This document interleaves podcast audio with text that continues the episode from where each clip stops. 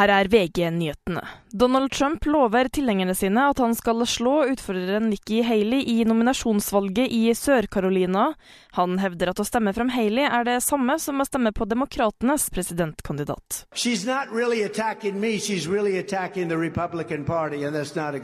do. So for Nikki Haley tomorrow is a vote for Joe Biden this November. That's all you're doing is you're voting for crooked Joe Biden. A vote for Trump is a vote to fire Crooked Joe and put America first and make America great again. That's what it is. Valget avholdes altså i dag. En mann ble fløyet til sykehus med stikkskader etter en voldshendelse i Vardø i går kveld. En person er pågrepet. I Østerrike er tre kvinner stukket ned og drept på et bordell i hovedstaden Wien. En 27 år gammel mann er pågrepet.